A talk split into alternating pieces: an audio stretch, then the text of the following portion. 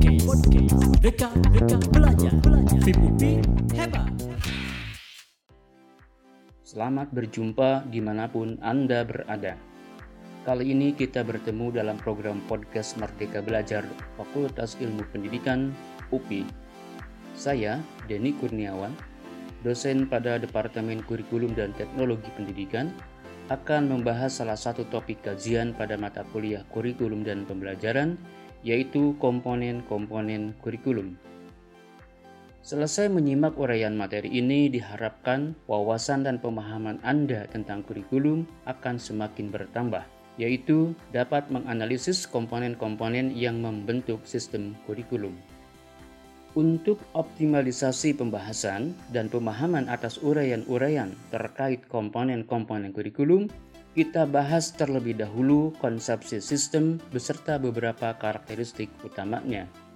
Bahasan tentang sistem sebagai pendahuluan sebelum kita membahas tentang komponen-komponen kurikulum ini sangat penting karena apabila berbicara tentang komponen-komponen itu artinya kita sedang berbicara tentang dan cara berpikir sistem. Pemahaman atas konsepsi sistem selanjutnya akan menjadi alat bantu pikiran kita untuk memahami logik dari bahasan komponen-komponen kurikulum. Lebih dari sekedar dapat menyebutkannya saja. Selamat menyimak. Baik, kita mulai perbincangan ini. Apa yang dimaksud dengan sistem Mungkin Anda sering mendengar kata sistem. Namun, apabila ditanya apa itu sistem, Anda mungkin terdiam untuk beberapa saat untuk mencoba memikirkan jawabannya. Jawaban yang paling umum keluar adalah sistem dianalogikan dengan sesuatu yang dibangun oleh sejumlah unsur. Sistem diartikan sebagai suatu tata cara atau metode dan terkadang diartikan juga sebagai ketentuan yang berlaku. Jawaban-jawaban tersebut tidak salah, namun masih memerlukan sejumlah penjelasan lebih lanjut. Apabila berbicara tentang sistem, sebenarnya kita berbicara tentang sesuatu yang sangat luas dan mendasar. Sistem bisa merupakan sebuah pemikiran, teori, metodologi, dan General Frame of Inquiry yang selanjutnya dapat digunakan atau diterapkan dalam berbagai bidang kajian. Kali ini sistem akan dibahas sebagian saja, yaitu terkait ide dasar tentang konsep sistem yang selanjutnya akan digunakan sebagai alat analisis terhadap kurikulum. Berdasarkan asal katanya, sistem berasal dari kata sistema dari bahasa Yunani yang berarti satu, kesatuan yang tersusun oleh banyak bagian, dua, hubungan yang teratur antar bagian. Adapun secara istilah dalam pengertian umum dan luas, Laszlo dan Krippner 1998 mengartikan sistem sebagai a complex interacting components together with interrelation among them that permit identification of a boundary maintaining entity or process. Diterjemahkan secara bebas, sistem adalah interaksi kompleks dari sejumlah komponen yang saling berhubungan yang memungkinkan untuk mengenali keberadaan batas-batas suatu entitas atau proses. Selanjutnya, Russell Aycock dalam sumber yang sama menjelaskan Sistem adalah sebuah kesatuan yang terdiri dari dua atau lebih elemen yang saling terhubung, di mana satu, setiap elemen atau komponen memiliki pengaruh terhadap fungsi keseluruhan. Kedua, setiap elemen atau komponen juga setidaknya dipengaruhi oleh atau terkait dengan elemen lainnya yang ada pada keseluruhan tersebut, serta subbagian dari setiap elemen yang menjadi bagian keseluruhan sistem juga memiliki sifat nomor satu dan nomor dua di atas. Jadi, secara sederhana sistem itu adalah kesatuan yang dibangun oleh sejumlah komponen yang saling terhubung dan bekerja sama untuk mencapai tujuan. Pemikiran tentang adanya gabungan sejumlah komponen yang membentuk satu kesatuan inilah yang disebut dengan konsep sistem atau sistem konsep Berikutnya, bagaimanakah karakteristik dari suatu sistem? Merujuk pada penjelasan konsep sistem sebelumnya, setiap sistem setidaknya akan memiliki lima sifat dasar. Sebagian ahli ada yang menjelaskan lebih dari lima, yaitu sebagai kesatuan komponen atau holism, kesatuan energi atau kekuatan, sinergi, memiliki tujuan, teleologi, memiliki batas, boundary, memiliki umpan balik, feedback, khususnya bagi sistem yang berupa proses.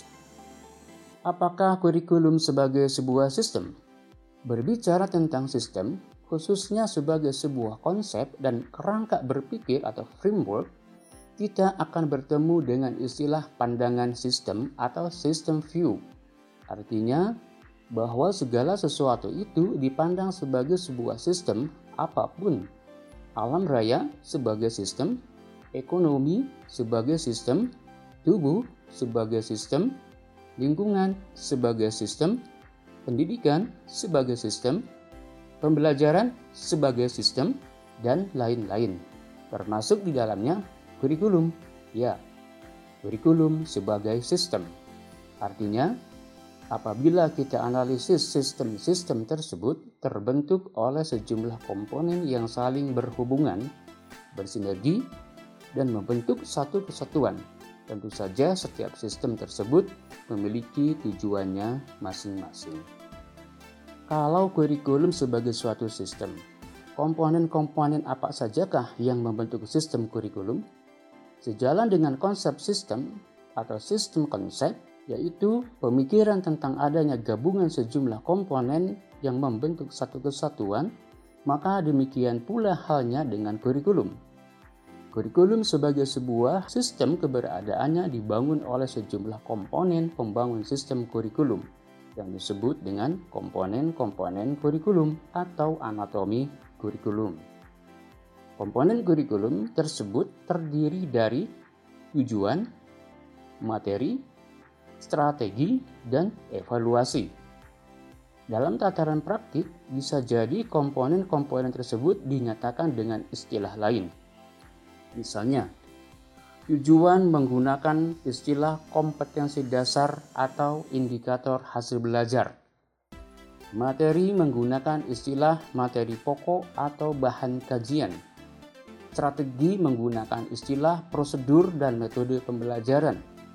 Dan evaluasi menggunakan istilah penilaian atau assessment. Bagaimanakah penjelasan pengertian dari masing-masing komponen kurikulum tersebut? Oke, komponen tujuan berkaitan dengan kemampuan atau kompetensi apa yang ingin dicapai atau dibentuk. Materi berkaitan dengan apa yang harus dipelajari. Kemudian strategi ini berkaitan dengan prosedur, cara, dan alat yang digunakan untuk mempelajari materi sehingga tujuan dapat dicapai.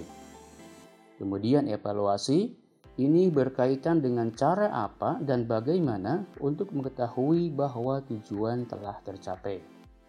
Keluasan, kedalaman, kerincian dari komponen-komponen kurikulum akan bervariasi sejalan dengan tingkatan kurikulum itu sendiri. Pada tingkat makro atau pada tingkat nasional, tingkat meso, tingkat wilayah, atau tingkat lembaga, atau tingkat mata pelajaran, atau tingkat mikro, tingkat proses pembelajaran. Semakin tinggi level kurikulum, uraian komponen kurikulum semakin umum dan tentatif. Dan sebaliknya, semakin bawah semakin khusus dan definitif. Tampaknya pembahasan semakin menarik dan mengerucut. Bagaimanakah keterkaitan antar komponen dalam sistem kurikulum? Setiap komponen kurikulum memiliki karakter dan struktur namun demikian, ketika dipadukan dalam satu sistem kurikulum tertentu, komponen-komponen tersebut harus saling terkoneksi, berinterrelasi, bersinergi, dan diselaraskan dengan orientasi kurikulum yang bersangkutan. Terdapat hubungan sebab akibat di antara komponen-komponen tersebut. Keselarasan antar komponen ini selanjutnya membangun sinergi menyatu saling menguatkan Dengan kata lain, komponen-komponen tersebut terdesain secara logis dan sistematis.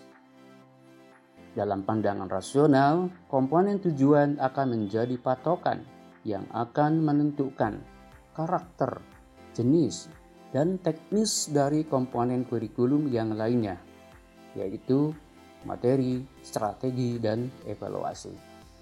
Misalnya, jika tujuannya adalah A, maka materinya harus tentang A. Kemudian, pilih cara mempelajari yang cocok dengan tujuan dan materi A, serta evaluasinya yang sesuai untuk mengukur kemampuan dan materi terkait dengan A. Berikutnya, apabila konsep kurikulum sebagai sistem yang dibangun oleh sejumlah komponen disajikan dalam bentuk ilustrasi grafis, kira-kira ilustrasi yang bagaimana yang benar?